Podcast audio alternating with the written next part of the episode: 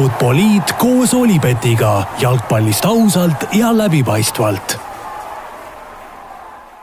no nii, tervitused taas kord üle paarinädalase pausi Futboliidi kuulajatele, jalgpallisõpradele. Futboliit alustab, stuudios Raul Oessar ja Joel Lindermitte, tere Joel! tervist! räägime täna natukene Eesti jalgpallist, sellepärast et kahe saate vahepeal on juhtunud äh, nii mõndagi nii kodusel kui eurorindel. Räägime natuke üleminekutest, sellepärast et suvel ju suurtes liigades jalgpalli ei mängita ja, ja tegeletakse hoopis äh, nii-öelda tagatubades võistkondade komplekteerimise ja ja igasuguste finantsküsimustega ja, ja saate lõpetuseks äh, natukene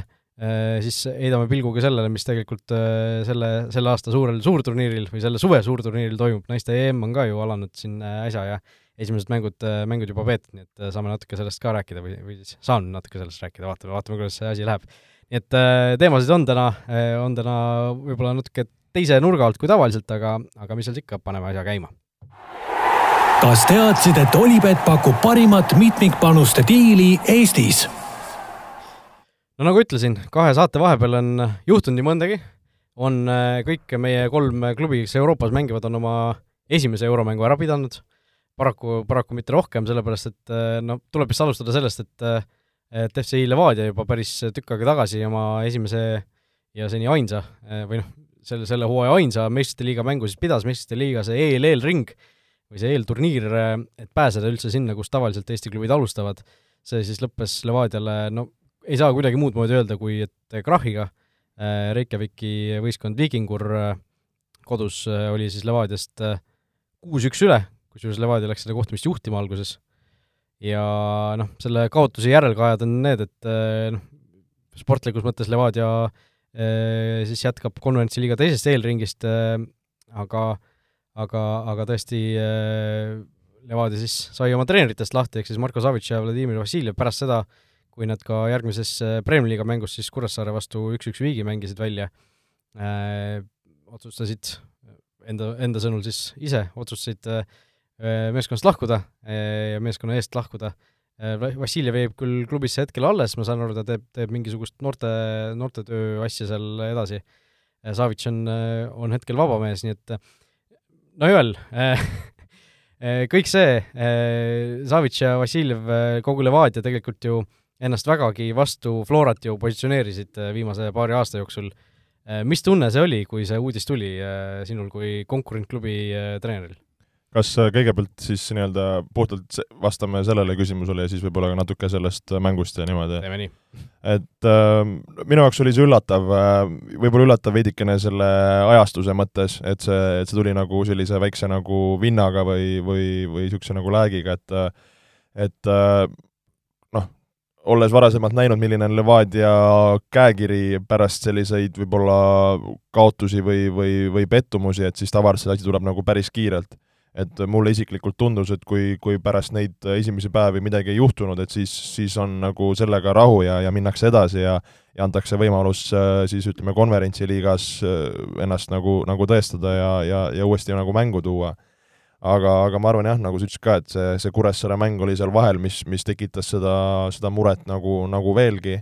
ja eks siis ma arvan, nii klubi juhtkonna koha pealt äh, oli, oli kõvasti mõtlemist, oli treeneritel omavahel mõtlemist et äh, jah, noh, ju-, väidetavalt oli see nende enda otsus, et eks me ju tagatubade jutte ei tea, et, et palju seal seda nagu nõudmist või mõjutamist oli ja, ja palju see oli puhtalt siis nagu nende, nende enda oma. aga kui sa küsid, et äh, kuidas see nagu, mis, mis emotsioonid mul olid või, või kuidas ma sellele nagu reageerisin, siis, siis äh, ma olin nagu üllatunud äh,, ma, ma oleks nagu arvanud, et, et, et vähemalt see äh, järgmine Euroopa mäng mängitakse kindlasti nendega ära, oleks, oleks nagu kuidagi minu, minu nagu arvamus olnud, et, et just, et äh, okei okay,, seal läksid asjad nagu väga halvasti, aga et, et, et äh, noh, et veel, veel on nagu varianti. et, et, et see, see oli nagu minu jaoks äh, üllatus, aga samas, kui kuulad nagu Levadia poole nagu osapoole, osapoolte nagu juttu, et, et, et teha see muudatus kohe ära, et asjad hakkaks, hakkaks nagu paremas suunas minema, et see, see nagu tundub ka mingit pidi loogiline, aga aga niisugune nagu kahe, kahepoolne asi, et tihti me näeme, et see niisugune äh, nagu kiire muudatus võib, võib anda mingi lisa, lisanõksu, aga samas see võib, kui sa nagu jätad nagu, jätad nad nii-öelda mõnes mõttes nagu omapäi, et siis võib-olla seda segadust ja asja on rohkem ja sa lähed nagu tähtsale mängule ilma nagu harjumuspärase rütmita, et, et päris selline noh, kuidas ma ütlen, nagu hu huvitav olukord või, või selline nagu omamoodi keeruline olukord, et, et seda, kuidas see nagu nüüd läheb ja, ja kas, kas see oli nagu õige või vale, et seda, seda me, ma arvan, nagu saame teada. noh, selles suhtes äh, mulle tuli ka nagu väikese üllatusena see, et Levadia äh, selleks peatreeneri kohusetäitjaks siis eelkõige äh,, mitte eelkõige, vaid esialgu määras siis äh, Ivan Stoikovitši, kes seni oli siis Levadia duublitreener sellest aastast alates, eks ju kes on ka tegelikult ju Savitsi poolt toodud sinna klubisse, kes on äh, kuuldavasti suhteliselt sarnase käekirjaga, noh, äh, taktikaliselt nad pididki ju sama, samasugust asja mängima seal, äh, nii duublis kui esinduses nüüd sellest aastast ja ja, ja kuuldavasti siis ka Stoikovitš on platsi kõrval noh, selline sarnase maneeriga nagu Savitš, ma ei tea, oled sa esiliigas teda näinud ka? ei ole väga palju, ei ole kokku puutunud, et ei oska rääkida et, et jah, see, see nagu ei tundu, et, et oleks nagu selline mingisugune täiesti teistsugune inimene seal ees või mingisugune, kes nagu võistkonnalt mingisuguse reaktsiooni välja pigistaks, aga aga no võib-olla jah, mulle endale lihtsalt tundub, et võib-olla see Savitši, Savitši selline kuidas ma ütlen, tema meetodid nagu, nendel oligi nagu parim enne tegelikult. Või, või isegi kõlblik kuni, et, et see noh, me oleme sealt Coolbeti sarjast ka ju näinud palju, kuidas, kuidas seal need asjad käivad seal klubis, kuidas see motiveerimine käib.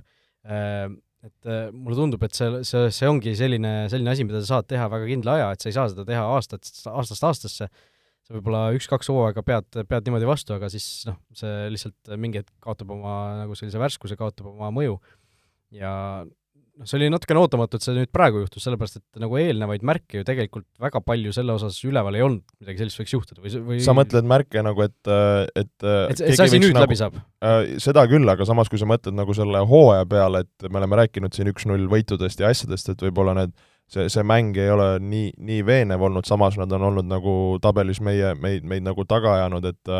et, ähm, et selles suhtes ei saa öelda, nagu kõik nagu väga hullusti oleks tulemuse mõttes, aga võib-olla see mängupilt ei ole olnud lihtsalt nii, nii ladus, kui, kui võib-olla oodati. nojah, igatahes äh, Levadiast on siis treenerid äh, lahkunud, Marko Savitš on, äh, ma võin ise kinnitada, endiselt Eestis on nüüd tal aega oma lastega mängimas käia minu, minu korteri akna all teda päris mitmel päeval siin mänguväljakutel, mänguväljakuid väisamas näinud, nii et Eestist ta lahkunud kuskil ei ole. Kuuldavasti siis praegu jääb ka esialgu vähemalt Eestisse ja vaatame, mis sest siis edasi saab, et et siin noh, kui vahepeal tehti nalja, et ootab seda Paide, Paide ametikohta, siis eilse mängu põhjal tundub, et veel, veel, veel seda nagu ei ole mõtet lähiajal oodata, et et lähemegi edasi siis selle juurde, mis, mis meil siin eile õhtul toimus, ehk siis Eesti kaks ülejäänud klubi ka oma eurosarja alustasid, Flora, sinu enda võistkond SJK-ga mängis kodus üks-null võit, no kas jääme rahule, selles suhtes, et võiduga peab ju alati nagu rahule jääma, aga aga noh, natuke nagu selline tunne jäi, et no oleks siis võinud see võit ju nagu tsipa veel suurem olla, et seal võimalusi tegelikult ju oli. ma olen sinuga nõus, et äh, no number üks, et, et suutsime võita, äh, kindlasti positiivne, suutsime taga null hoida, kindlasti positiivne, aga ma arvan, äh, nii, nii minul, treenerite tiimil kui, kui võistkonnal ja pärast mängu ka, ka ütleme nagu mängijate nägusid ja kehakeelt nähes, kõik nagu ei saa öelda nagu mõistsid, aga, või, või nagu tundsid, et tõesti, et niisugune võib-olla üks, üks värav oleks võinud nagu kuskilt tulla, üks, ükskõik millises nagu momendis või niimoodi, et et kui nagu rääkida nagu ka mängust, et jah, et niisugune esimene viisteist, kakskümmend mintsa läks, läks mängu kohanemiseks ja ja kinkisime päris palju vigu enda karistusala lähistel, mis, mis andis nagu võimaluse neil standardeid out'e viia äh,, pean ka nentima, et minu arust ka kohtuniku nagu joon terve mängu oli väga pehme, et äh, väga palju niisuguseid kergeid vigu ja, ja törtse nagu tuli, mis, mis nagu võimendas seda. aga pärast seda saime mängu sisse, suutsime nagu initsiatiivi enda kätte saada peamiselt ja, ja nagu oma, oma mängu leida. ja kindlasti see nagu värav esimesel poolel nagu aitas meid ja, ja andis nagu seda enesekindlust juurde. et, et, et tõesti noh, teisel poolajal äh, oli paar ikka päris head šanssi, kus seal võib-olla see viimane sööt või viimane puude jäi nagu, nagu puudu aga, aga kui mõelda nagu euromängu peale, et äh, ütleme noh, küll vastane hoidis palli, aga tegelikult nad ju ütleme, megaohtlikuks äh, mingite nagu niisuguste väravavõimaluste näol ei, ei, ei saanud, et äh, et seal oli üks karistuslöök, mis peaga üle tõsteti, paar niisugust senderdust, paar võib-olla niisugust lahtist palli, et, et hoida nagu euromängus võistkond, vastasvõistkond siis üsna väheste võimaluste peal, ma arvan, on nagu, nagu positiivne. aga nagu ma ütlesin jah, et tõesti ise, ise oleks tahtnud mingisest, mingist olukorrast võib-olla leida seda, seda, seda väravat ja, ja minna nagu sellele võõrsil mängule veidi kindlama puhvriga, et, et ütleme seal see üks-null ähm, eduseis on kindlasti nagu hea, aga, aga, aga noh,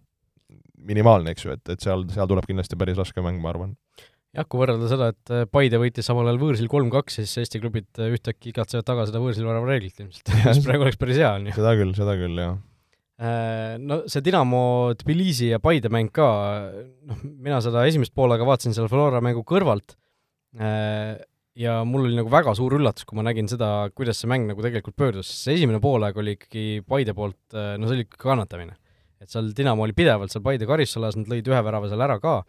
ja, ja tundus, et nagu noh, seal ei ole erilist võimalust mingisugust tulemust võtta, aga noh, lõpetuseks äh, jalgpall on vahel nagu positiivselt ümmargune ka Eesti klubide jaoks, et kolm-kaks võit, Paide esimene võit siis Euroopas üldse ajaloos ja, ja ikka väga, väga magus võit, et äh, ei ole siin küll edasipääs veel sugugi kindel, sellepärast et ma usun, et Dinamo on ka teises mängus platsi peal parem võistkond, aga, aga noh, see kolm-kaks võit võõrsilt on, on väga korralik valuuta ja väga hea üllatus. Igatahes, et selles suhtes ma arvan, nagu Eesti klubi üle hea meel, kui, kui võidetakse, tuuakse reitingupunkte ja, ja ka nagu Paide klubi, klubi jaoks Äh, äge saavutus, et äh, et äh, noh, jah, ütlen ausalt, et seda mängu ise pole, pole näinud, et väravad nägin, nägin ära, et seal ütleme, väravate puhul Paidel noh, oli mõnes mõttes ka õnne, et seal vastased eksisid ja pallid kukkusid õigesse, õigetesse kohtadesse, aga, aga võõrsil tulla ära, et nagu ma olen siin podcastis tihti rääkinud ka, et need võõrsil mängud, need on teistsugused ja, ja Euroopas ja, ja, ja sa pead oma nagu lähenemist äh, ka selles suhtes nagu valima ja muutma, et kui sa ütledki, et Paide oli nagu raskustes, siis ma arvan see, et see on nagu teadlik valik, et sa lähedki võib-olla veidikene kaitsvamalt, veidikene nagu ettevaatlikumalt ja, ja sa annad omale võimaluse püsida nagu paremini mängus ja, ja küll need nagu kontramomendid ja asjad nagu sul, sul tekivad, kui on mänguplaan hästi ette valmistatud, et et kui mõeldagi nagu selle Levadia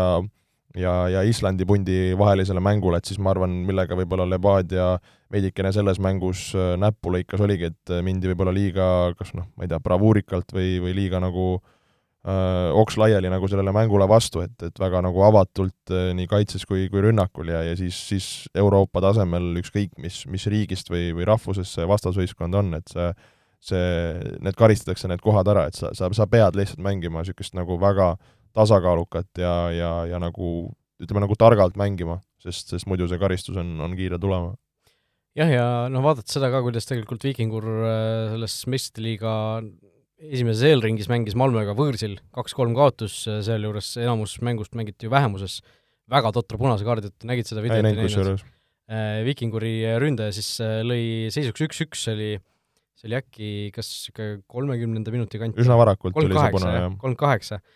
tal oli kollane kaart all ja ta, ta tähistas lihtsalt sellega, et ta näitas noh, pani käe suu peale vastasvõistkonna tribüünide, tribüüni ees ja sai selle eest teise kollase kaardi. ohoh, aga kus, kus järsku siis niimoodi, et nii, nii nagu provokatiivne tegu siis või, või no, kohtuniku hinnangul ilmselt on, noh, selles suhtes, et seal, seal tundus, et ei olnud midagi muud, mille eest oleks saanud selle teise kollase anda, et noh, ma ei tea, kas kohtunik eh, võib-olla ei pannud või noh, ei mõelnud selle peale, et ta on kollane kaart all, noh, sest kui kui sul ei ole nagu mingisugust erilist vendetat selle mängija vastu, siis sa ei lähe ju teist kollast kaarti andma ka ei no mõtlegi, et pole elus üldse kuulnud, et niisuguse asja eest oleks antud, rääkimata nagu teisest kollasest, mis, mis või punaseks no, lõpuks. oleks ta mingit väga provokatiivset liigutust yeah, teinud seal, aga noh, see tava, tavaline, et paned käe suu ette, kusjuures see see käe suu ette panemine oli väidetavalt olnud siis sellepärast, et äh, terve esimene pool tund seda mängijat oli nagu Malmö kaitsjate poolt hakitud, ta oli saanud mingi viis-kuus viga vist kätte ja ühe korra vist oli äh, Äh, või noh, mitte ühe korra, vaid ta, ta esimene kollane kaart tuligi taivimise eest okay,. okay., et, et seal noh, seal vastasfännid olid tema vastu väga negatiivselt meelestatud ja siis noh, muidugi on ju tore, kui nende nina ees seal värava lööd, on ju, aga aga noh, tõesti sellest, selle üks-ühe seisu pealt äh, Vikingur kannatas nii palju ära, et kaks-kolm kaotusega lähevad kodumäng, kodumängule vastu ja ja tegelikult see näitas, et ega need Islandi tiimid ju ei ole ei ole ikkagi mingisugused äh, erilised kotikud tegelikult. no jaa, et äh, mäletan ka, et kui, kui meie siin ju teise Reykjaviki pundi KR Reykjavikiga mängisime, siis, siis arvati, et äh, tegemist on mingite naljameestega ja, ja ja ma ei tea kellega, et, äh, et, et olime seal äh, koerad või, või krantsid või kes me seal olime, et et selles suhtes äh,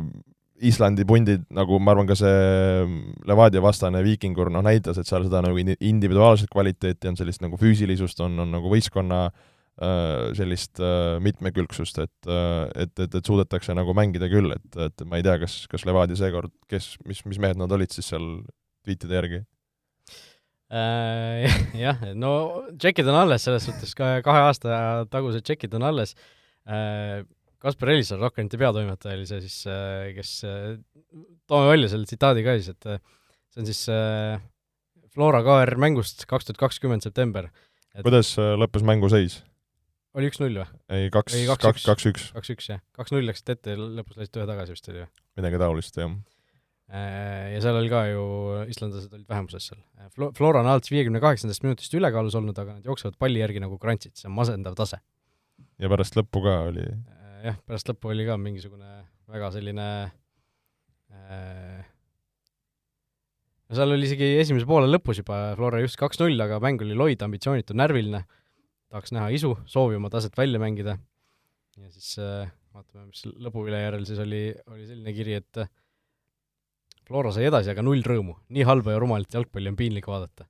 ehk siis äh, sellised tsitaadid olid kaks aastat tagasi, kui Flora siis alistas Islandi meistri, meistriliigas, oli niimoodi. jah, ja kuidas seekord oli? üks-kuus äh, oli, oli tulemus ja kommentaar oli siis masendav, totaalne põrumine, väga kahju. no ei saa vastu vaielda muidugi ei saa, ei saa, ei tegelikult no nali naljaks, lihtsalt äh, tuli, tuli, tuli meelde, kui, kui, kui Islandi, Islandi pundiga mängiti, et ei, ei ole Kaspari vastu midagi, on, on tore mees, teeb, teeb oma tööd nii hästi, kui, kui oskab. Äh, no vot, igatahes järgmine vastane Levadial, vaatame selle ka siis üle, selles suhtes, et meistrite liiga ju äh, esimese eelringi kaotaja, nad saavad vastu kahest või, kahe võistkonna vastasseisust, kellega ta mõlemad ju, mõlemaga ju Flora eelmine, eelmine aasta kohtus, ehk siis Shamrock Rovers ja Hibernians, ja Shamrock võitis esimese mängu kolm-null kodus, nii et ilmselt siis on see Malta klubi Hibernians, kelle vastu Levadia saab mängima minna, no ma ei tea, midagi pole öelda, Levadia, Levadia viimaste aastate nagu seda euro ebaedu vaadates see Hibernians on täpselt selline võistkond, kelle vastu nad võivad nagu koperdada, ma loodan, et seda seekord ei juhtu, loodetavasti mingisugune restart suudetakse teha, aga aga ega, ega see ei ole ka midagi lihtsat, nagu sa ise tead, eks ju? ei ole, et Teie läksite ju penaltitega? ei, äh, mängisime Floriana vastu, see oli aasta varem, see oli aasta varem, kui oli see ühemänguline seeria, et nendega me läksime kahe mängu kokkuvõttes kas neli-null või aa ah, jah, see oli, kus see kõige esimene mäng oli, kus te võitsite. kaks-null võitsime, aga just tahtsingi öelda, et see mäng oli, kodus oli see päris väljakutsuv, me läksime üks-null ette, terve mängu oli niisugune üsna nagu tasavägine mäng ja nad said mingi hetk said punase ja me lõime teise värava, kas seal mingi kaheksakümmend pluss niisugusest nurgalöögi järgsest olukorrast äh, see oli vist niimoodi, et täpselt umbes, et kui lõite esimese värava, siis hakkas vihma sadama, räägiti. oli vist jah, kusjuures. Aga ma mäletan, see esimene mäng oli väga raske ja see, et me teises mängus me võitsime kolm-null, seal Sapinen jooksis paar korda hästi ära, et, et see teine mäng oli nende poolt kuidagi nagu minu jaoks nagu üllatavalt kuidagi nadid olid võrreldes esimese mänguga et äh, ma vaatasin veidikene seda nagu koosseisu, seal on päris palju samu, samu mängijaid, ma nüüd noh, nende seal tihti need legionärid nagu vahetuvad, nende, nende kvaliteedi kohta ma ei tea, aga, aga nagu see, see on okei okay võistkond, et see ei ole nii, et see võit on nagu eos kirjas. et, et selles suhtes ka nagu huviga ootan, kuidas nagu Levadia reageerib, millise lähenemisega sellele mängule minnakse ja, ja, ja, ja mida, mida suudetakse nagu pakkuda selles, selles mängus, et see on selles suhtes on, on koht, kust on võimalik edasi minna, aga seal võib olla ka varianti, et seal, seal võib ka langeda. just nii, äh,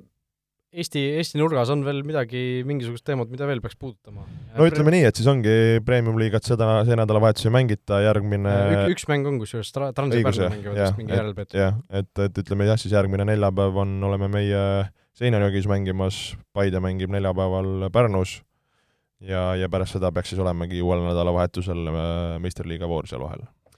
nii et jah, jõuame ilmselt enne seda uue saate ka ära teha, nii et sellest äh, nii kaugele ette ei hakka hetkel vaatama, aga vaatame hoopis, vaatame hoopis selle otsa, mis siin sel suvel siis äh, suure jalgpalli üleminekuturul toimub ja mida siis teatud suured klubid hetkel korraldavad. kas teadsid, et Olipet on Eesti spordiennustajate esimene valik? Nii, äh, on meil äh, siis suvi käimas, mis tähendab siis äh, suures jalgpallis tavapäraselt sellist üleminekumöllu ja üleminekusaagasid ja kõike muid, no neid saagasid on hetkel päris mitmeid õhus ja millegipärast just Manchester Unitedi ümber need kõik tiirlevad ja võib-olla mõne suure klubi kaudu võtame siis seda, vaatame siis seda üleminekuakent hetkel, hetkel lähemalt ja ja no alustamegi Manchester Unitedist, ma arvan, sellepärast et neid küsimärke, neid teemasid on, on just selle klubi kohal millegipärast jube palju see suvi, et eh, no mäletan kunagi, kui oli see Paul Pogba Juventusest naasmine, kus oli see Pogback, hashtag Pogback ja ja kuidas see seal mingi kuid, kuid venis lõpuks, lõpuks ära tuli mingi saja miljoni eest, noh, nüüd on Pogba läinud tasuta uuesti Juventusse tagasi, ehk siis no see on, ole siis, oleme siis täpsed, et siin just mingi kümme-viisteist minutit tagasi oli, oli Pogba ka siin kuskil andis, andis mõista, et et on asju nii-öelda korda ajamas ja Juventusesse suure tõenäosusega siin paberiasjad päeva-kahega aetakse korda, et, et ütleme, see on siis niisugune selline esimene jah, uudis, mis, mis võib-olla Unitedi ümber tiirleb, aga neid on nagu kõvasti veel.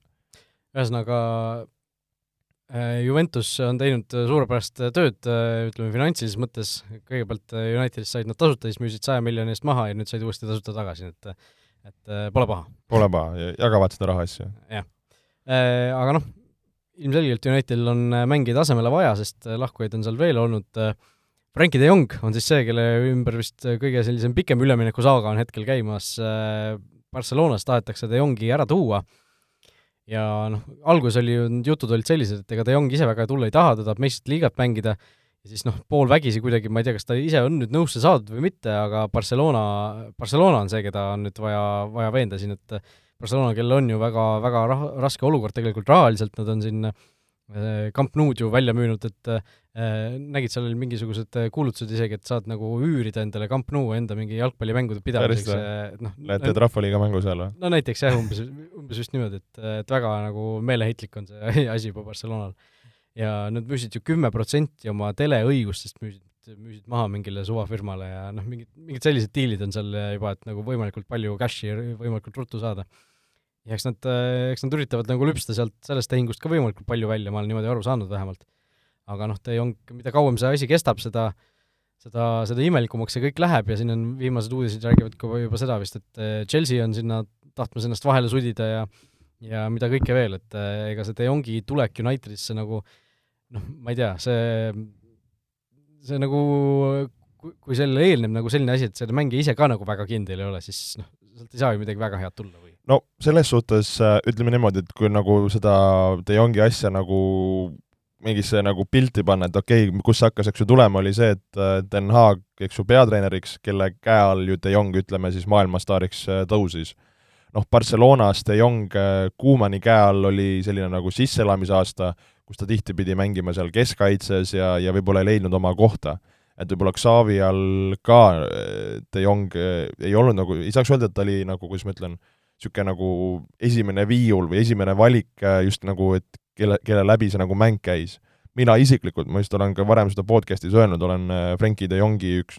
väga, väga suur fänn. nagu et kui mõelda tänapäeva jalka peale, ma arvan, ta on võib-olla minu top viis lemmikmängijate hulgas just oma sellise mitmekülgsuse poolest ja mida ta nagu suudab pakkuda.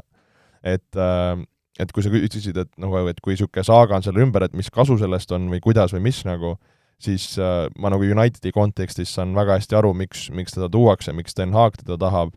aga ma näengi pigem, et see, kui mina oleks Barcelona, ma ei annaks De Jongi ära, eks ju, aga nüüd nagu sa ütlesidki, et mul ongi tunne, et Barcelona pigem vaatab seda asja nagu rahaliste numbrite pärast ja, ja selle nagu eelarve kontekstis, et võib-olla isegi sellest nagu, nagu tunnen niisugune, ma lihtsalt ütlen, kuidas ma tunnen, et, et see, et see nagu De Jongist on savi, aga et kuidagi saaks nagu rahaasjad jonksu, ma ei tea, kas, kas sul on niisugune mulje jäänud või, või no, ei või? no veits on, noh, mulle tundub ka, et nad on ikka päris meeleheitlikud, et seal eh, käis ju,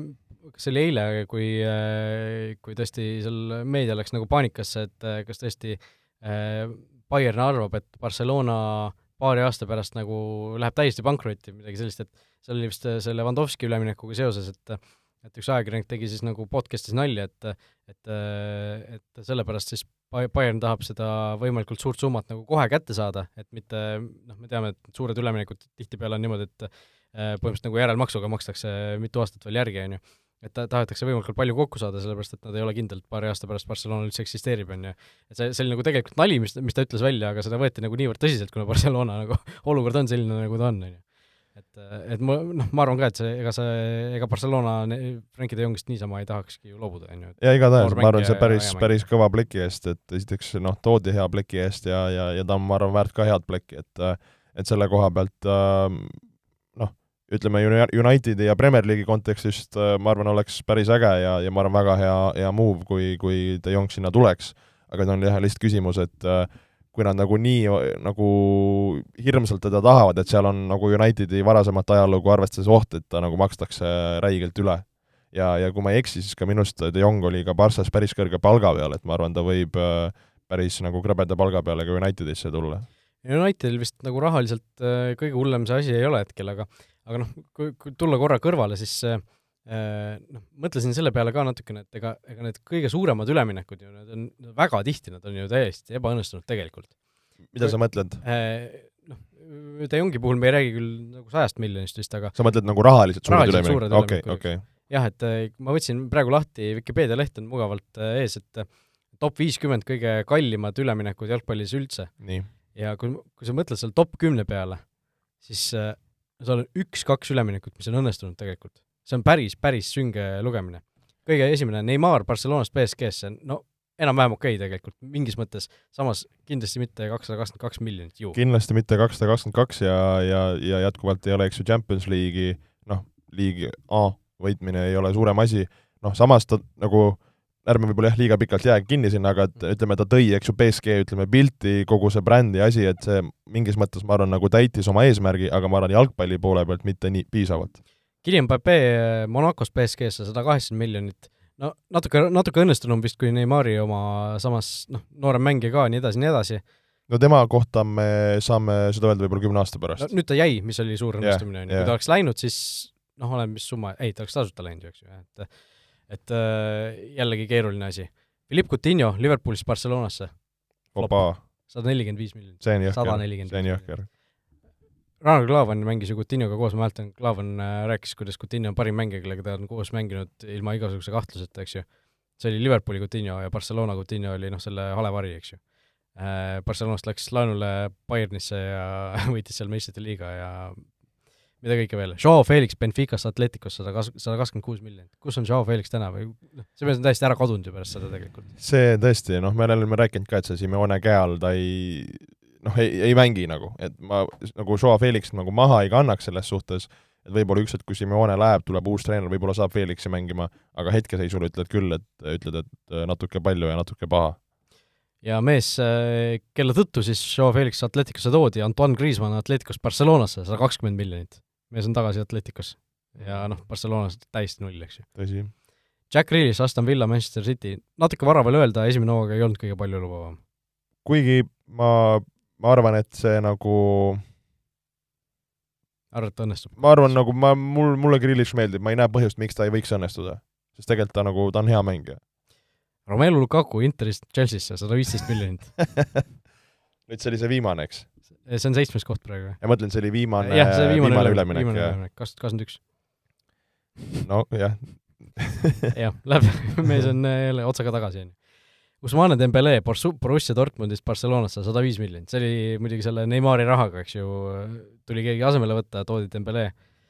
no ei saa öelda, et oleks suurepärane õnnestunud üleminek äh, olnud. no eelkõige oma, oma tervise pärast, et et võib-olla nagu mänguliselt kui ta oleks terve, siis, siis võib-olla nagu mõtleks, et okei okay,, mees, aga, aga tõesti, kui mees on terve aja vigane olnud, siis tõesti kaheksakümmend kohta jagab Dembelega Paul Pogba Juventus Manchester Unitedisse sada viis miljonit. ja kümnes koht siis Eden Hazard Chelsea'st Reali äh,, Cristiano Ronaldo Realist Juventusesse ja Garrett Bale Tottenhamist Reali. et noh, seal okei okay,, Bale ja Ronaldo noh,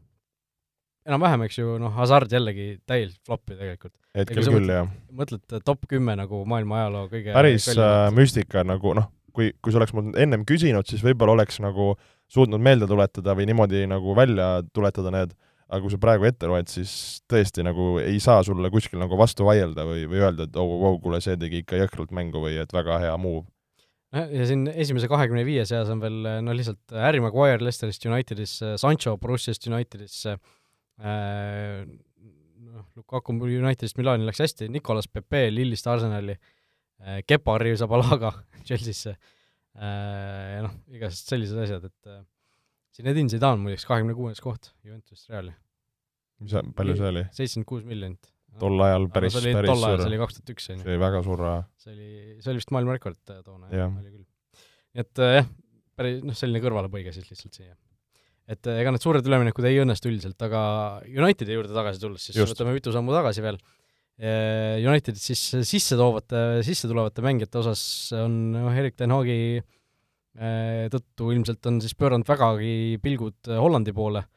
äh,, Darel Malassi äärekaitse on juba toodud äh,, tema siis tuli PSV-st äh, ja siin Lisandro Martines keskkaitset tahetakse ka veel äh, Hollandist tuua.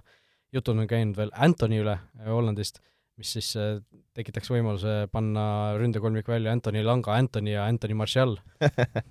eks kui Erik äh, Den Haag hüüab Antoni, Antoni, siis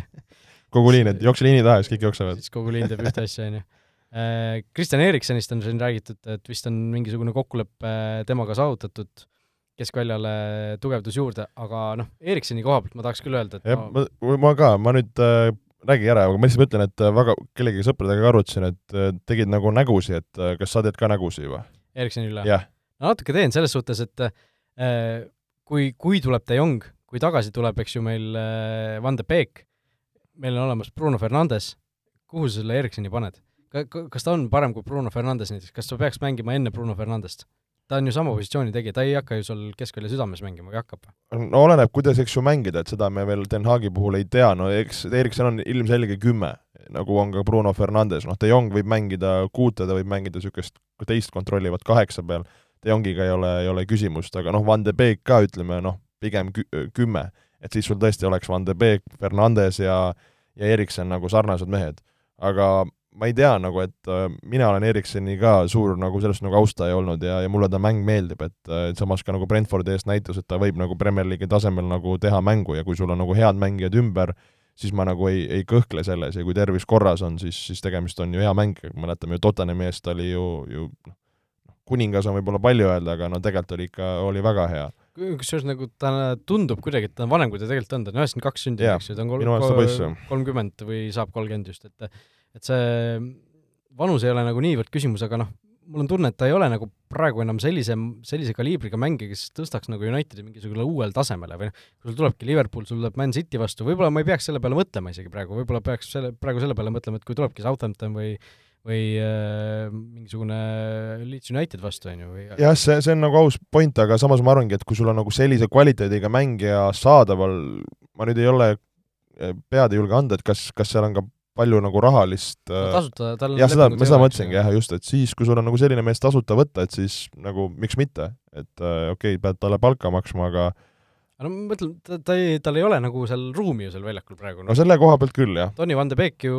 ka, seetõttu ongi suuresti ju ebaõnnestunud see üleminek, et noh, Bruno Fernandes mängib kõik mängud põhimõtteliselt, mis ta, kus ta vähegi terve on. võib-olla asjad muutuvad, mängib Van de Beek ja Fernandes istub no võib-olla, sellepärast et ega Fernandese koht ka enam nagu nii kindel ei tundu, kui mõni aeg tagasi, et äh, kui sellist Den Haagi all hakatakse lõpuks sellist modernsemat jalgpalli mängima, siis noh, võib-olla see asi ei ole enam äh, Bruno Fernandese jaoks ka nii roosiline, kui ta seni on olnud.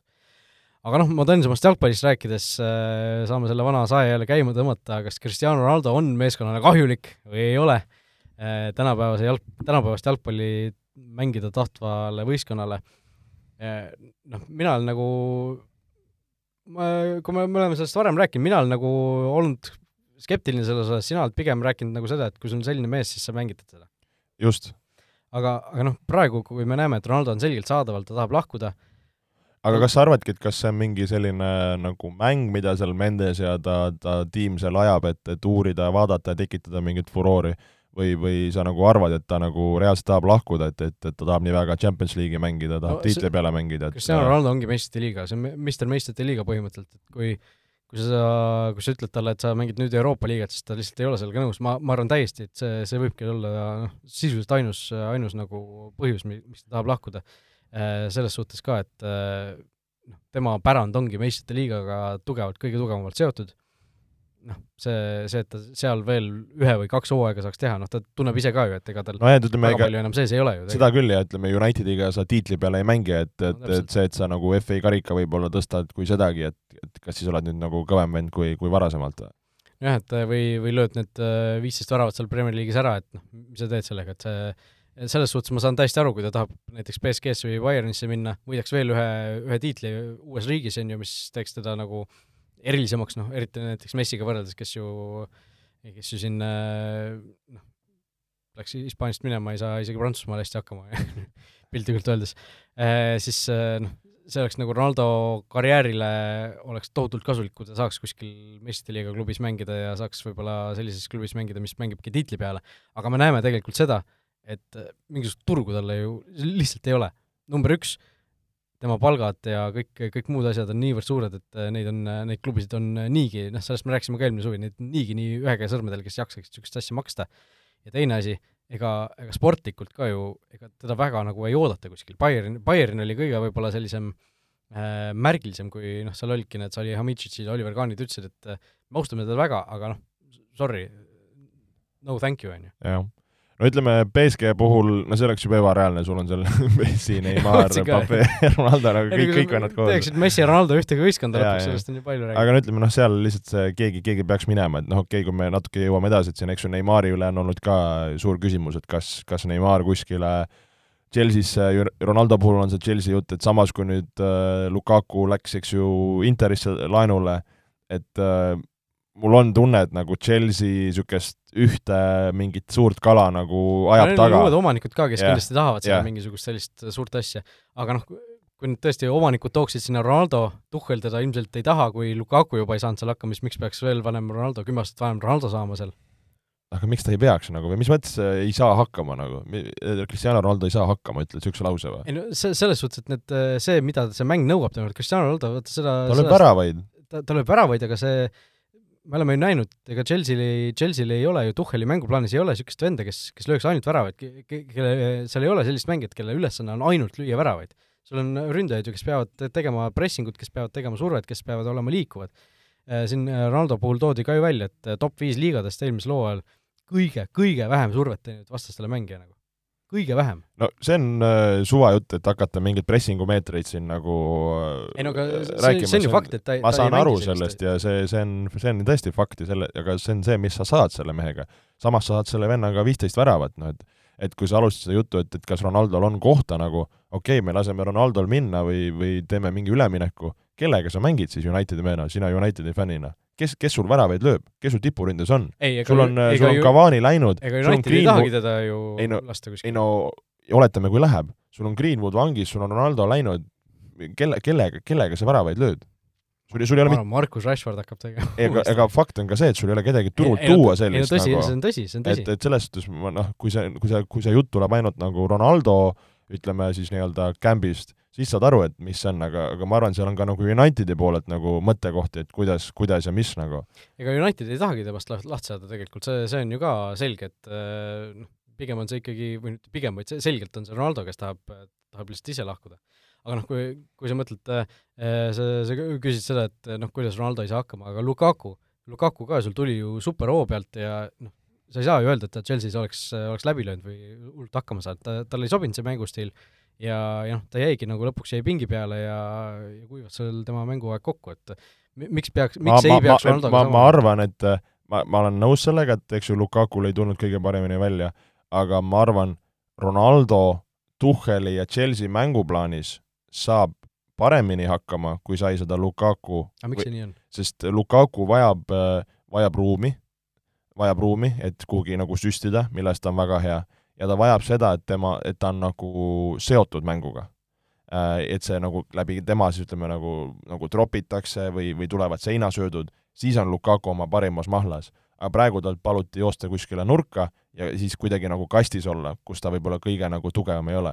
Ronaldo puhul sa paned talle liikuvad mängijad ümber, ütle, et olegi kastis, tee paar stänkat ja nüüd, kui me laseme neid wingback idega neid krosse, ole seal ja löö see sisse pall. ja selles on Ronaldo tugev et ma, ma nagu näen selles võtmes nagu just nagu, et ta võiks Chelsea's nagu pigem teha, võib-olla mõned vaidlevad vastu, aga aga kui sa mõtled nagu Unitedi rünnaku peale, siis seal ei olnudki väga rünnakut ja ta ikka lõi. et, et selle, selle koha pealt.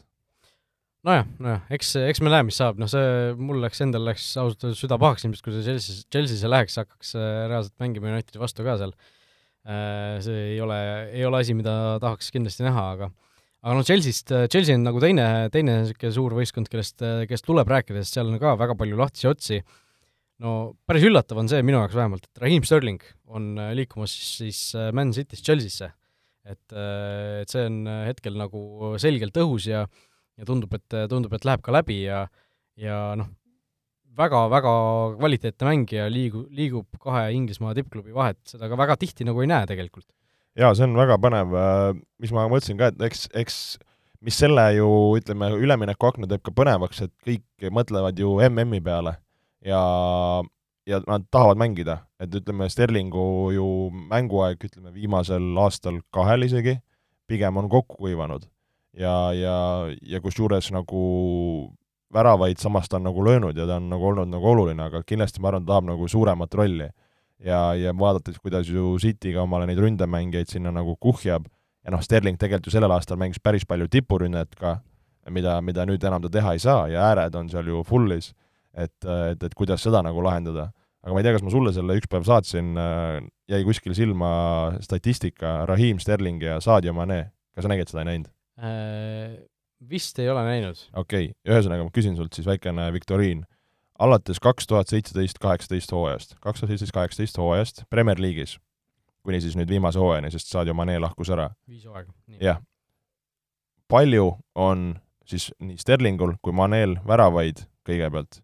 ma ütlen niimoodi, et nad on, lihtsalt seda ma ei hakka sulle ütlema, palju nad mänginud on, Mane on nagu, et arvama laskma arvata. Mane on sada kuuskümmend üheksa mängu, Sterling on sada kuuskümmend üks. mitu väravat on Sterling löönud ja mitu väravat on Mane löönud? mis sa arvad? No viie hooaja peale ütleme, ma ütlen, niisugune keskmine võiks olla ikka mõlemal mehel selgelt üle kümne, ma arvan, Sterlingul niisugune mm, kolmteist, ütleme kuuskümmend viis väravat, Manel seitsekümmend viis okei okay,, sa arvad, et äh, Mane on olnud resultatiivsem? jah. no võr-, väravaid üks rohkem Sterlingul, seitsekümmend kaheksa, seitsekümmend seitse, ja palju assiste siis, mis on, arvad, äh, vahe no,? nüüd on Sterlingul rohkem. Palju äh,? kümme. on kümme, kolmkümmend neli assisti versus kakskümmend neli assisti. et tegelikult, kui sa mõtled nagu, et oo, Mane on nii hea olnud kogu aeg ja Sterling siin, okei okay,, Liverpooli eest ta natuke tegi, City eest on siin teinud et ma, äh, ma kusjuures ei ole kunagi arvanud, et Sterling ei ole hea, ma lihtsalt kuidagi äh, nagu viimasel ajal tema nagu mingi väärtus või niisugune see, ma ütleks, see nagu mingi imago on nagu kuidagi nagu langenud. jah, et seal City's on lihtsalt nii, nii kõva konkurents, on ju. ei äh,, see on, see on väga hea näitaja muidugi, mis, mis sa välja tõid, et et ega Mane ja, ja Sterling tõesti noh, ma ei tea, mänguminutid, ma arvan, Sterlingul on isegi äkki vähem või? ma arvan, kordades vähem, võib huvi pärast selle pärast välja otsida, aga kordades vähem võib-olla natuke üle no aga mõtle, tegelikult Mane mängib, mängis iga mäng põhimõtteliselt põhis yeah.. ja sul ei ole Sterling, ma arvan, Sterlingu viimase aasta Premier League'i minutid on päris kasinad, ma arvan. seda küll, jah. aga noh, Chelsea'l igatahes äh, asjad toimuvad, sellepärast et lahkujaid oli neil palju, eks ju, keskkaitsest eelkõige, seal Kristensen läks ära, Rüdiger läks ära, äh, seal oli vist veel lahkujaid tegelikult aga noh, see, kes, keda asemele tuua, see, see töö ka käib, on räägitud siin Kimpembeest, BSG-st, eks ju, Akeest, Man Cityst, Nathan Akeest, kes ju kõigepealt oli Chelsea mängija, siis ta läks Bournemouthi laenule, siis ta osteti vist Bournemouthi ja siis Bournemouthist osteti ta Citysse. Mattias Deliktist on räägitud, et ma ei tea, mis seal saab siis lõpuks. ja no põnev, et kedagi niisugust võtmemängijat on, on vaja, ütleme, Rüdiger oli võtmemängija, tegelikult ka Kristensen teatud episoodis oli, oli nagu vajalik. Thiago Silva on alles ilmselt. jah, et aga, aga kes seal nagu kõrval, okei okay,, seal see noor Malang Sarr toodi, aga ta ei ole päris valmis, et huvitav jah, et see Delikti nimi siin nii, nii ütleme, ka Bayernisse on Delikti räägitud, on, on, on Chelsea'sse, et äh, tahaks arvata, et niisugune üks, üks kui mitte kaks nagu kõvat kala võib-olla kuskilt äh, välja aetakse et, et, et, et seda positsiooni on vaja, eriti kui sa mängid, eks ju, kolmese keskkaitseliiniga, et äh, nägime ka, et seal päris palju roteeriti, okei okay,, sa saad võib-olla Asplicueta panna, Asplicueta samas mängis vahepeal ka wingbacki, et äh,, et selle koha pealt põnev. Tottenhami vaatame küll, sest Tottenham on teinud oma businessi ära suhteliselt varakult ja selliselt efektiivselt, et äh, Ivan Perisic on toodud, Richarlison on toodud, Yves Bissouma on toodud äh,, kolm väga kõva täiendust, äh, Steven Bergwijn küll lahkus nüüd Ajaxisse või lahkub ilmselt Ajaxisse, aga räägitud on isegi Clement Langlaist vist või kuidas seda öeldakse, Barcelona keskkaitsest. jaa, laenule siis jutu järgi, et, et on, on päris lähedal. Aga tõesti, see Perisic'i käik, ma arvan, väga hea, niisugune, kes on näidanud, et just selle niisugune Conte stiilis, ma arvan, see wingbacki koha peal kõvasti tuuseldab. Bissouma niisugune väga mitmekülgne keskväljamängija, kes, kes kulub marjaks ära. Ja, ja mind võib-olla see Richarlisoni üleminek võib-olla kõige rohkem isegi üllatas, ma ei tea, kuidas, kuidas sind, et et äh, eelmine hooaeg noh, Evertonil läks ka pahasti, et, et võib-olla oli tal raske lüüa ka nii palju, aga, aga ma mõtlen just Tottenhami kontekstis, sul on niisugune lisavend, kes, kes on nagu on, ütleme, Premier League'iga kohanenud ja kes võib lüüa, et äh, ma ütleks küll, et nagu päris, päris head täiendused. No Richarlison on mulle alati meeldinud, ma mäletan, kui ma kommenteerisin üht jaa, mäletan, me, me me, me hakkasime koos hakkasime teda haipima, kui ta Watfordi eest ja ta hakkas, ta tegi sisse, ma mäletan siis ka samamoodi. see, see nagu tundus kohe, et seal on nagu midagi sees selles mehes ja nagu hea on näha, et temast ongi nagu midagi saanud, et et äh, mulle ta väga meeldib, väga kihvt mängija, ta on ju aastaid olnud seal tipus ka iga kord äh, see võidetud vigade edetabelis, et äh, noh, ta tekitab teravust, ta on, ta on terav ja, ja sealt, sealt nagu sellisest mehest nagu noh, sul on vaja niisugust vendi? täpselt, selliseid mehi on vaja. Ja noh, sul on Son ja Kane ka, siis äh, sul on neid mehi ka, kes äh, oskavad neid jä-, jätkuolukordi ära kasutada seal, eks ju. Et äh, Tottenham minu arust äh, suure plussiga võib seda suve juba praegu siin jaa, ja põnev, et ütleme, Conte on siis ikkagi selle, selle levilt need äh, kuskilt rahakotid salaja ära varastanud ja, ja käima pannud, et et välja jäänud selle pleki. just, no teised Inglismaa tippklubid, Liverpool, noh, Darwin Nunez on toonud, see juba on ka ammu selge, Man City tõi endale Calvin Phillipsi keskväljale, eks ju, Fernandinho asemele sisuliselt. Kuidas, mis, mis nagu tundeid tekitas, mul natuke niisugune, kuidas ma ütlen äh,,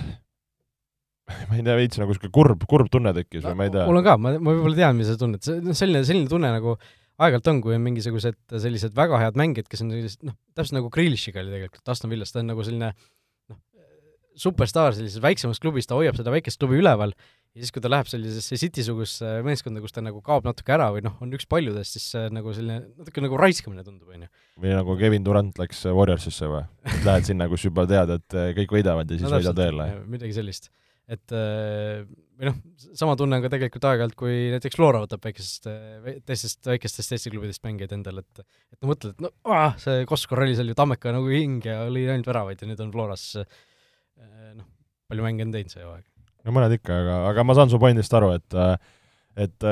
lihtsalt mul jah, nagu mul meeldis just see, kuidas ta nagu Leedsi, ta oli põhimõtteliselt niisugune Leedsi nägu, eks ju, et et, et ja nagu vajalik mängija, et no ütleme, City kontekstis nagu tegelikult väga hea signing. see mees, ma arvan, järgmised viis aastat on, on seal nagu no ta ei ole põhis ju no,. Rodri on põhis ju. no nüüd ongi küsimus, et ma ei usu, et ta üle mängib ta no seal ma ei imestaks, kui nad mängivad, hakkavad kõrvuti mängima, sest Philips on nagu, ta küll mängis nagu niisugust kuute, aga, aga ta pigem on mitmekülgsem võrreldes nagu Rodriga. aga kelle sa sealt välja viskad, siis Bernardo Silva? no Bernardo Silva mängis igal pool, et temal põhimõtteliselt positsiooni ei olnud, et noh, ütleme, Gündogan oli tavaliselt vaata seal kõrval nagu ja, ja võib-olla see koht hakkab nagu varieeruma, et äh, aga no igatahes jah, see tõesti see City sügavus nagu, mis, mis on niigi metsik, nagu muutub veelgi metsikumaks, et äh, et ja põnev näha, mis, mis rolli ta nagu saab aga samas saad nagu mängijast ka aru, sul sa oled kindlasti hea pleki peal, sa oled Pepi käe all, sul on võimalus tiitleid võita, no miks mitte? jah, ja Arsenal tegi tegelikult päris huvitava ülemineku, Gabriel Jesus toodi, toodi siis Man, Man Cityst endale, anti talle number üheksa selga ja igasuguste Lacazette'ide, Aubameyangide järeltulija siis nii-öelda. ja tegelikult on sellest ka ju palju räägitud, kui sa tõid need Mane ja, ja Sterlingu numbrid mängu, siis Gabriel Jesusi tegelikult igasugused näitajad äh, tema rünnakute realiseerimine, kõik see on, on tegelikult üllatavalt kehv olnud, vastupidiselt just äh, Sterlingule näiteks, et et Arsenali fännid juba mõned siin äh, nerivad küüsi, et, et kui tõime nagu mingisuguse suure signingu endale siis tuleb välja, et on, on selline järjekordne tavaline ei, see, see ma arvan, veits on liialdus, et äh, tegelikult ju City eest me nägime, et, et on, on hea mees, oskab väravaid lüüa, on liigaga kohanenud, on Artetaga koos töötanud, et ma arvan, Arsenali kontekstis sul on niisugune nagu puhas õige ründaja no. Hakka, hakkab ta number üheksat mängima? ma arvan küll, jah, miks, miks ta ei peaks nagu, et sul Kas mingid ta- need need Getiahid ja asjad, ta lihtsalt mängis City's seal ääre peal, sest talle väidetavalt endale ka nagu ei meeldi seal keskel väga mängida ma, nagu ei, ma ei, ma ei, ma ei tahaks uskuda seda nagu, et, et, et ütleme, sul on, muud kohad on ju seal nagu kaetud, sul on seal need äh, Sakad ääre peal ja, ja ja Smith-Rowe võib seal olla, Martinellid, eks ju, et seal noh, ütleme, variatiivsust on, aga aga ma nagu Arsenali kontekstis ma arvan, et, et nagu hea, hea, hea üleminek. no äh, vaatame kiire pilguga Inglismaast väljapoole, noh, Müncheni Bayernist natuke juba juttu tuli, et siin, siin teine suur üleminekusaaga ilmselt äh, puudutab siis Robert Levanovski tulevikku, et Levanovskil lepingut Bayerniga on, ta ise on küll välja öelnud, et ta ei soovi Bayernisse tagasi tulla, ta soovib lahkuda. ja väga selgelt seda ka öelnud, eks. jah, ja avalikult äh, tahab minna Barcelonasse, Bayern on üllatunud, et äh, niivõrd ebaprofessionaalselt mängija käitub ja ja on, on siis väidetavalt valmis, valmis teda kinni hoidma, et kuhu me sind ikka laseme, et mängi meil edasi, löö meil väravaid, et et no ma tahaks väga Levanovskit näha kuskil mujal nagu. Sest ma, ma olen siin aga sa saates ka Barssas näha teda või? Barssas ei tahaks väga näha, aga Ja isegi kui see Barssa nagu antipaatia kõrvale jätta, siis ikka minu arust väga niisugune nagu ve- veider, veider üleminek tundub minu jaoks nagu. no kui me enne rääkisime, et Unitedil on näiteks vaja seda, kui Ronaldo läheb, on vaja uut esiründajat, siis noh, äkki, äkki need rahakotirõuad äh, tõmmata laiali. aga jah, no ma, mina jah ka ei mõista, et okei okay,, selle jaoks on vaja kindlasti hea raha välja tuua, et, et nagu sa ütlesid ka, et, et et räägitakse, et Barcelonal nii pekkis, nii pekkis ja siis järsku nagu tahad tuua nagu maailmastaari suure üleminekusumma eest, pluss kindlasti ka suure palga eest, et, et tõesti, mis nagu sahkerdamine ja, ja, ja toimetamine selle, selle nagu eelarvete ja rahade ja reeglitega käib, et see mul see see Barcelona toimetamise puhul see tundub kuidagi nagu veider või, või, või kuidagi nagu ei, ei hooma või, või mõistad sa oma pointi? jaa, see, see on aus point selles, selles suhtes tõesti, me rääkisime enne, kui, kui nagu keeruline enda olukord on, aga samas nad nagu, need miljonid ikka kuskilt leiavad yeah., mida nagu selliste mängijate peale panna, aga noh, võib-olla seal on, on mingisugused äh, raamatupidamus, raamatupidamislikud äh, nõksud ka sees, et kuidas seal kuskile kogemata üks-null juurde eelarvesse ei no mitte isegi seda, aga noh, kuidas, kuidas mingeid asju kirjeldada seal ongi, et paned äh, noh, sellise uu- uus väärtus ja, ja kuidas, kuidas annab, annab meeskonnale juurde kõike, mida iganes, et äh, noh, ma ei tea, kuidas need asjad täpselt käivad seal kindlasti, palju targemaid inimesi on se- sellest rääkima, aga, aga tõesti seal see näeb, näeb kaugelt lihtsalt veider välja, et tõesti, kui, kui väga, väga keerulises olukorras meeskond nagu selliseid, selliseid staare endale ihaldab või noh, susiseb, ütleme seal äh, kõvasti ja noh, võib-olla tasub ära mainida ka Angel Di Maria Juventusega, liitus siis vist vabaagendina lausa, peaks olema küll, jah. et äh, tema siis BSG-st on, on lahkunud. Nonii huh., kuidagi väga, väga selline kaootiline, väga hektiline on see üleminekute turg äh, ja üldse see meie sektsioon ka siin oli. Ikka ühest, ühest meeskonnast teise ja ühe mängija juurest teise juurde ja kõrvalepõigetega, aga aga mingisuguse pildi saate ette, sellepärast et ma ei tea, minul on küll selline tunne, et ma nagu ei, ma ei suuda jälgida seda nii palju, kui ma suutsin varem seda üleminekuturgu kusjuures, kusjuures sama ja võib-olla vaata, tead ka, et seal on nii palju seda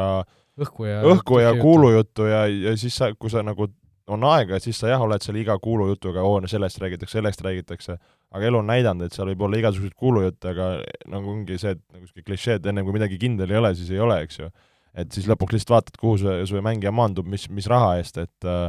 et, et, et ma, mul ka endal, ütlen ausalt, on, on nagu sama tunne, et äh,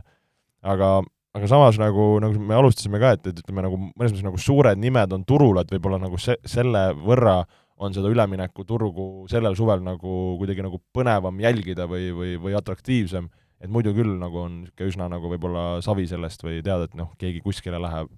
noh, jälgid nagu neid enda lemmikklubisid võib-olla ka ja noh, tippklubisid niikuinii ehk, aga noh, just nagu eriti teravalt noh, mina jälgin, mis Unitedis toimub, on ju, ma tahaks nagu teada, mis seal, mis seal lõpuks saab, eks ju. et see noorte Hollandi poiste värbamine, see või noh, Hollandist tulevate poiste värbamine, see on nagu huvitav strateegia, mis nagu tehniliselt või teoreetiliselt võiks olla nagu kõrge laega, aga seal on ka võib-olla suhteliselt madal põrand, selline tunne on, kui mingit sellist võrdlust tuua. Vot nii. Äh,, läheme siis lõpetuseks ka natukene naiste jalgpalli manu. Olipetis on parimad suurliigade vastasseisude kohvid naiste EM-finaalturniir on alanud äh,, Inglismaal see siis ära peetakse kuuendast äkki kolmekümne esimese juulini, kui ma peast nüüd ütlen, on need kuupäevad, millal kuusteist võistkonda selle Euroopa meistri selgitavad.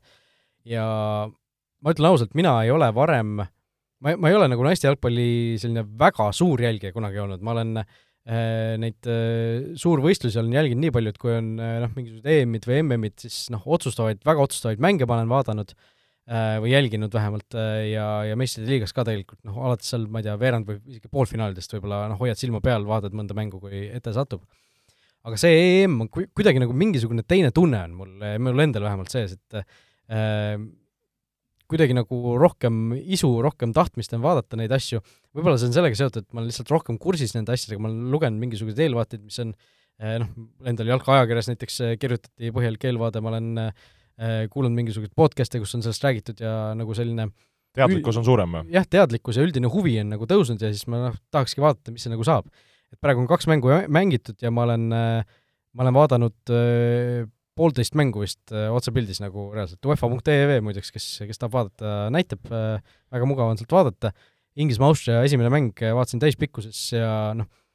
ausalt väga kihvt mäng oli, et äh, kes on siin naiste jalgpalli sellised äh, heiterid või kes nagu mõtlevad, et elu sees ei hakka niisugust asja jälgima, siis, siis tõesti nagu tasub, tasub proovida, tegelikult ka. sest ma ise ka, ma mäletan, noh, niisugune kümmekond aastat tagasi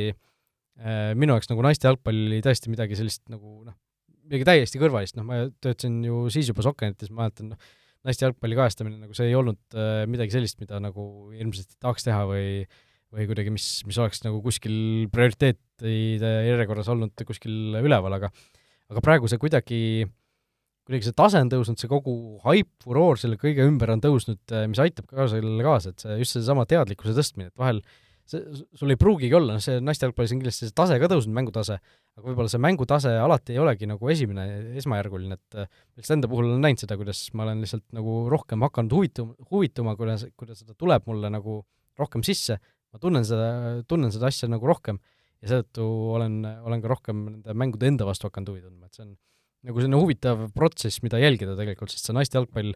on siin räägitud ka, et see on ikka tohutu kiirusega tegelikult arenenud ja kui me näemegi, et praegu on äh,, ongi EM-i mängud, kus on seal kuuskümmend kaheksa tuhat inimest vaatab esimest mängu näiteks tribüüni pealt, mis noh, peaaegu Old Traffordi täismaja, eks ju, siis noh, see on, see on asi, mida ei saa nagu ignoreerida enam. igatahes, et äh, tõesti, nagu sa ütlesidki, et ma arvan, see naiste ja, ja laste nii-öelda, ütleme siis tüdrukute jalgpalli see kasv, äh, ütleme nii Eestis kui kogu Euroopas, et see on noh, tõesti nagu sõna otseses nagu plahvatuslik olnud. Et, et milliste hoobadega need asjad käima läinud on, millist nagu finantsi on äh, tippklubides naiste poolt sisse pandud, et, et äh, tõesti see nagu areng on tulnud ja, ja see areng nagu ka nii ütleme, noh, nii platsiväliselt kui platsi sees on, on nagu äh, olnud nagu meeldiv, et, et selles suhtes jah, ka nagu kutsun, kutsun nagu üles, kellel, kellel nagu huvi julgelt nagu, nagu vaatama, et äh, kahjuks endal ütlen ausalt, siin euromängude kõige, kõige ajal ei, ei, lihtsalt ei ole seda ajalist ressurssi sellesse, sellesse pühenduda, aga siis kuulan sinult, äh, Raul, neid ülevaateid teinekord. jah, äh, ei no ma võin praegu ka väikse ülevaate teha, A-alagrupis siis on ain-, ainsalt on mängud peetud, Inglismaa võitis üks-null Austriat esimeses mängus, kusjuures väga, väga huvitav värav oli seal, äh, mis, mis siis oli, olukord oli selline, et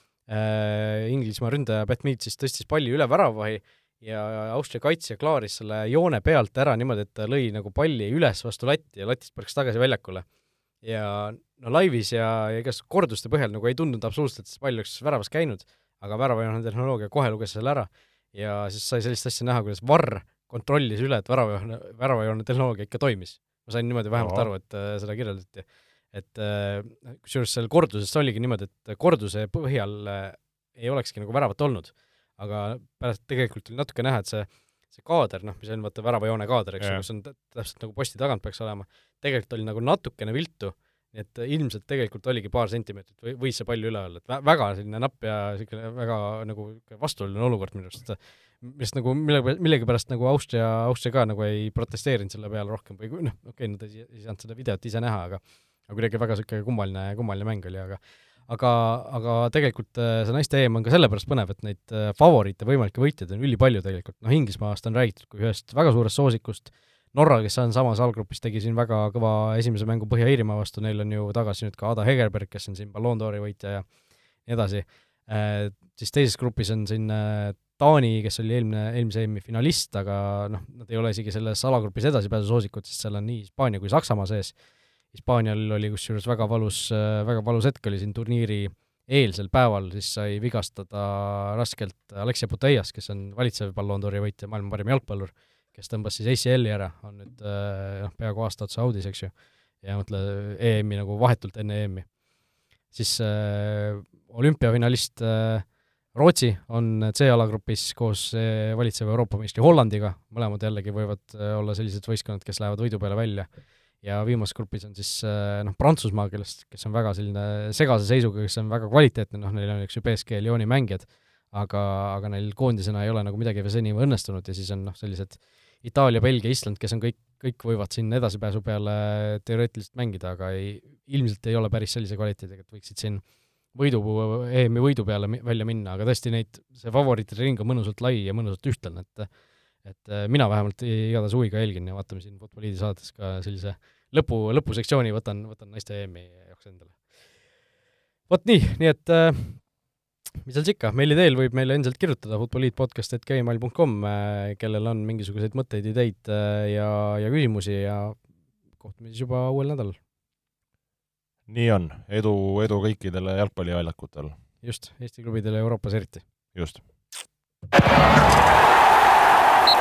Vutiviikendi parimad kohvid leiad Olipetist